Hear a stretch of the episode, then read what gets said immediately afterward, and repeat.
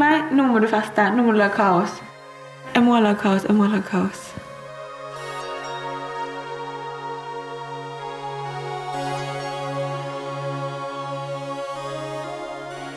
Mange drikker mye i ungdomstida. Men når bikker det egentlig over i noe destruktivt?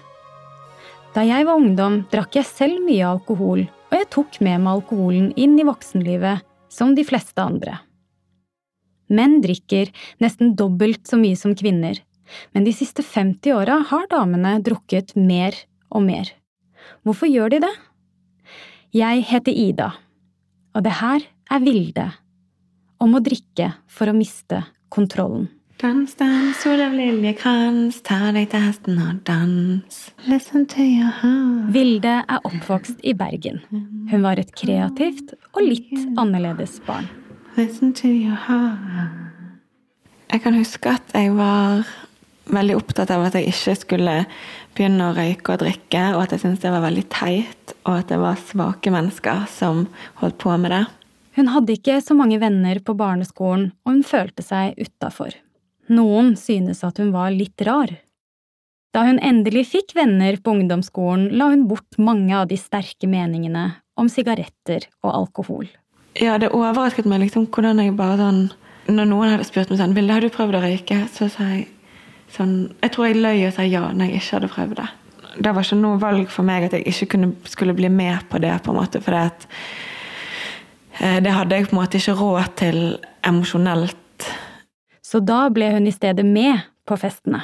Jeg synes sjøl ikke at jeg begynte å drikke noe tidlig, for det var andre folk i klassen min som hadde begynt et halvt år før meg, og jeg følte liksom at jeg var seint ute når jeg um, begynte å drikke når jeg var 13 år.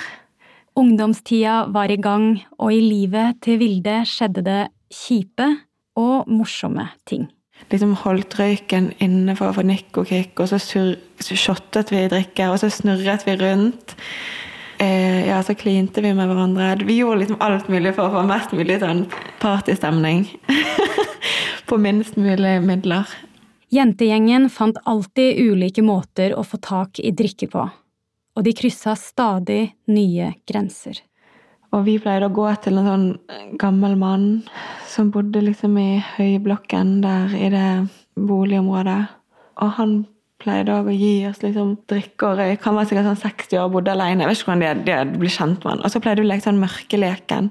At vi slo av lyset, så skulle han fange oss. Og da fikk han lov å ta oss på puppen og sånn. det var ganske sykt. Og så lurte vi han at hun ene tok liksom kjønnshårene sine. Hun bare 'Bjørn, skal jeg rulle en røyk til deg?' Og så tok hun liksom kjønnshårene sine oppi røyken. Og så at han ikke merket det sånn. Venninner der, de var veldig gale. Drikking blir etter hvert en vanlig del av Vildes liv, og allerede som 16-åring drakk hun mye. Da hadde jeg sånn avtale med en kompis at hvem som drakk flest dager i sommerferien. Og da vant jeg, for da drakk jeg annenhver dag i sånn to måneder.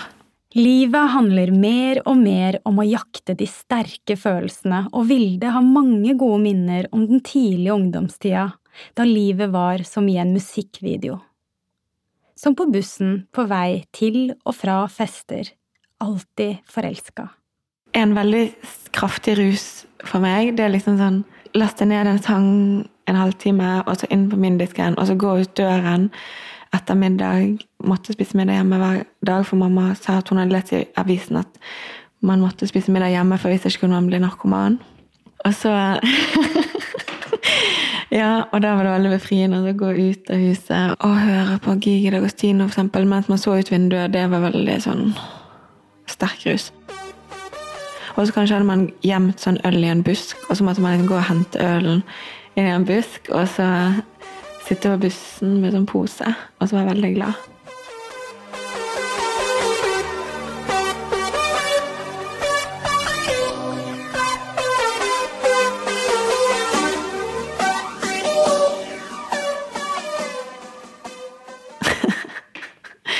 Vilde begynner på videregående, og noe endrer seg. Hun har det ikke lenger så gøy med verken rus eller venner. For å forsøke å endre det kjipe til det bedre ruser hun seg mer.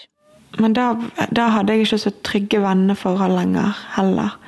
Men jeg hadde jo liksom alltid noen jeg kunne drikke med, men jeg husker liksom at jeg følte meg litt sånn ikke helt liksom trygg, eller Jeg hadde liksom en del negative tanker fra før, men da ble det bare sånn krisemaksimert og på en måte nesten panikk, liksom. Og det bare levde med bare sånn jord mange dager i uken og sånn, kjempelenge. Hun skammer seg for at hun ikke klarer å ta bedre vare på seg sjøl. Jeg har hatt tre, tre operasjoner der jeg har vært innlagt på sykehus i over en uke pga. skader som har skjedd på fyller. Og jeg tror det er liksom de tingene som har gjort at jeg har tenkt Oi, dette har faktisk veldig store konsekvenser. Aller verst gikk det den gangen da Vilde dro med seg en gammel flamme opp på toppen av et kjøpesenter i Bergen. På Paradis. Opp på taket. Det var en sånn boblebadbutikk. Det er sånn at Man kunne klatre opp på et tak, og der sto det sånn fire-fem boblebad. Og så kunne man liksom bare sånn om natten ta av det trekket, og så var vannet alltid varmt, så du kunne bare skru opp og ned på boblene, opp og ned på sånn diskolys og radio og alt sånn. Så det var veldig romantisk. Men så på veien ned igjen, da klarer jeg liksom også å knuse hånden min inn i et vindu, sånn at, eller rett ved siden av hovedpulsåren, sånn at det bare sånn spruter blod, og armen blir helt sånn kuttet. Ja, så ringer han til ambulansen, og så bare, så må jeg legge meg ned, og han knyter stramt rundt hånden min, og så kommer jeg på sykehuset, og da, og da er jeg veldig opptatt av om jeg kan spille gitar igjen, for sier sånn, det er ikke sikkert. Og så turde jeg heller ikke å ringe og si det til foreldrene mine, siden det hadde skjedd på fylla. Etter videregående får Vilde seg jobb på kjøkkenet på en folkehøyskole. Skolen reiser på en studietur til Paris, og der drikker Vilde mye, som vanlig. Hun begynner å bli lei. Vilde bestemmer seg for å slutte å lage kaos og drikke, og hun markerer det ved å ta en siste fest, på punkekonsert i en nedlagt fabrikk. Selv om hun knuser foten den kvelden, blir ikke dette siste gangen hun blir full og skader seg. Vilde strever med å forstå hvorfor hun skader seg gang på gang, men hun skjønner jo at det ikke er bra. Jeg har på en måte alltid hatt en slags kontroll, men den kontrollen har jeg alltid holdt på et sånt nivå at ting er liksom dårlig. Jeg vil alltid liksom la det gå til en kassovarsel, og kanskje la det gå til en kasso før jeg betaler regningene. Men det er ikke sånn at jeg har sluppet helt kontrollen, for jeg har veldig sterk samvittighet og ikke vil liksom la noen ting gå utover min mor, f.eks. Da er det sånn, Hvis jeg har klart å få styr på ting, så er det bare en sånn det låser seg i hjernen min og sier nei, nå må du feste, nå må du lage kaos. Nå må det bare Og så slutter jeg ikke før alt er helt kaos. Og da er det sånn Å nei, alt er helt kaos, nå må jeg fikse det. Og da klarer jeg helt fint å ta meg sammen og fikse det. Men så lenge alt liksom er bra, i hermetegn, da er det sånn Nei, jeg må lage kaos. Jeg må lage kaos. Når hun tenker tilbake på den tida, ser hun på de kaotiske nettene som et forsøk på å be om hjelp. Ramlet rundt og bare virkelig hatt et sånn ønske om at noen andre skulle ta ansvar for meg. Det er liksom akkurat som jeg bare sånn vil kaste meg inn i armene til Gud og si sånn Det er ditt ansvar. Hva er det som skjer inni Vilde når hun absolutt må drikke?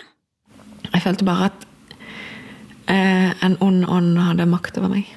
Jeg hadde liksom ikke noe telefonnummer til meg sjøl jeg kunne ringe. Vilde begynte å forstå sitt eget mønster bedre og bedre. Nå må jeg ødelegge livet mitt fordi jeg har lyst på oppmerksomhet, og at noen skal si at jeg har det vanskelig fordi jeg trenger trøst. Jeg tror egentlig det er litt det. Vilde oppsøker hjelp. Først går hun til ei synsk dame, som videresender Vilde til en psykoterapeut. Hun møtte meg med en ekte menneskelig respekt, og ikke med et eh, klinisk blikk. Det første jeg sa til henne når jeg kom der, jeg klarer ikke å ta ansvar, og jeg forstår ikke hvorfor jeg ikke har lyst til å ta ansvar. For, det, for den logiske siden av meg hadde jo lyst til det, men den emosjonelle siden har bare ikke lyst til ansvar. Hun har bare lyst på trøst, på en måte. Og hos psykoterapeuten lærer Vilde sakte, men sikkert å ta vare på seg sjøl. Jeg får støtte i å sette grenser for meg sjøl hva vil jeg si nei til? Hva er jeg nødt til å si fra om? Og hvilke initiativ vil jeg ta? Når jeg drikker alkohol, så mister jeg kontakten med den følelsen av meg sjøl, liksom der jeg kan bestemme. I dag synes Vilde det er ubehagelig å drikke, fordi hun mister seg sjøl veldig fort. Vilde har funnet tilbake til den moralisten hun var da hun var liten.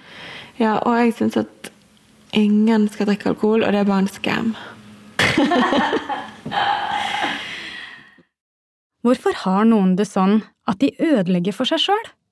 Det må vi til en psykoanalytiker for å få svar på. Straks professor Siri Gullestad. Men først vil jeg si at Damer som drikker er produsert av Filt Oslo for Av og til. Produsent er Peter Daatland, lydmiks av Daniel Daatland.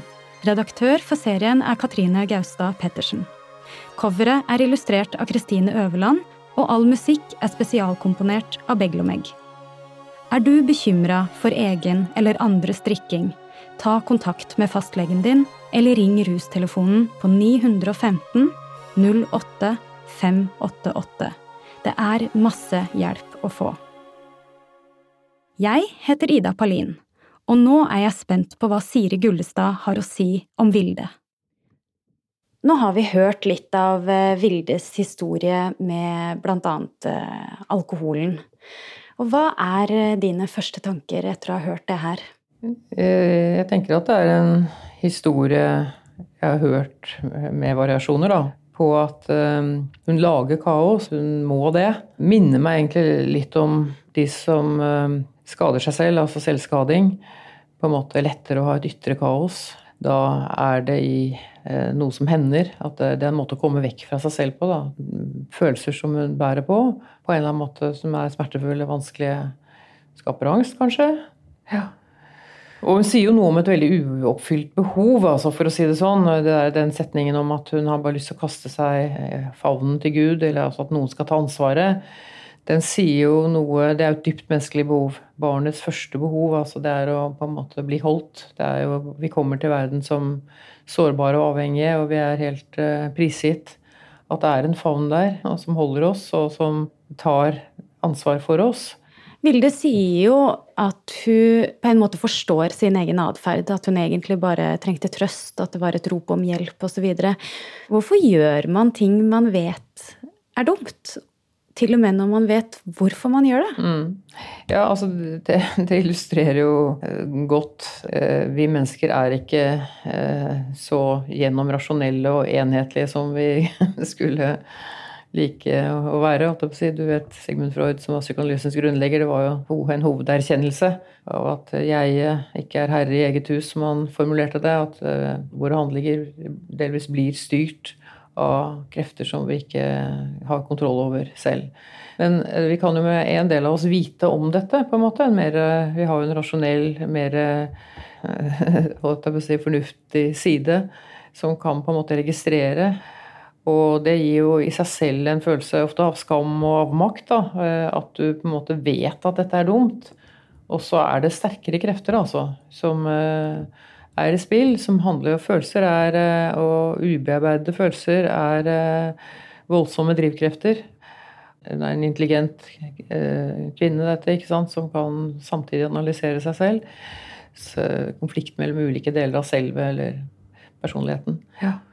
Vilde forteller meg jo at hun har blitt flinkere til å ta valg, og at dette her er noe hun har fått øvd seg på etter å ha gått i terapi, og at det også hjelper veldig å ikke drikke. Fordi da er det ikke noe kaos som overdøver slags indre stemme. Det som skjer da, og dette er jo en veldig sentral del av all psykoterapi, vil jeg si, at du rett og slett kjenner hvor redd du er, hvor sårbar du er, eh, hvor mye du trenger en annen eh, som måtte være de ulike følelsene, men at du, du klarer å romme dem, for å si det sånn, altså kjenne på dem og, og sette ord på dem og bli bevisst dem. Både, både, er det jo noe, noe, med at man først har brukt alkohol, som uh, har den effekten at det liksom døyver følelser og, bringer deg vekk fra vanskelige ting. Så det blir jo noe avhengighetsskapende i seg selv. I å ha begynt, så har du på en måte fått en mekanisme, på en måte. Og så kanskje jeg hører at en som ikke syns det har vært så lett å, å, si nei, da, og sette grenser for seg selv. Og, og det er en vikt, veldig viktig del av uh, det å bli kjent med egne følelser. og Ikke være så redd for egen irritasjon, sinne, reagere på folk. Nei, det vil jeg ikke, liksom. Å kunne si det eh, ja, i en gjeng og i et forhold, ikke minst, i nære forhold, eh, hvor eh, Det som er på den andre siden, er jo redsel for å såre den andre, for at den andre skal bli sint, for å miste den andre, som, som er, kommer i spill når du sier nei, da, eller sier fra, som det heter. Ja.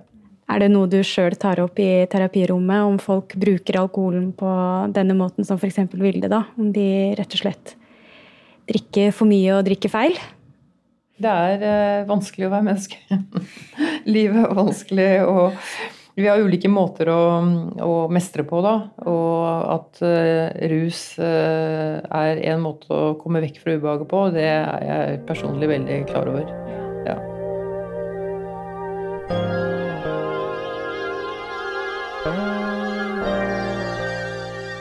Neste episode Anna, som drakk som om det var ferie under korona.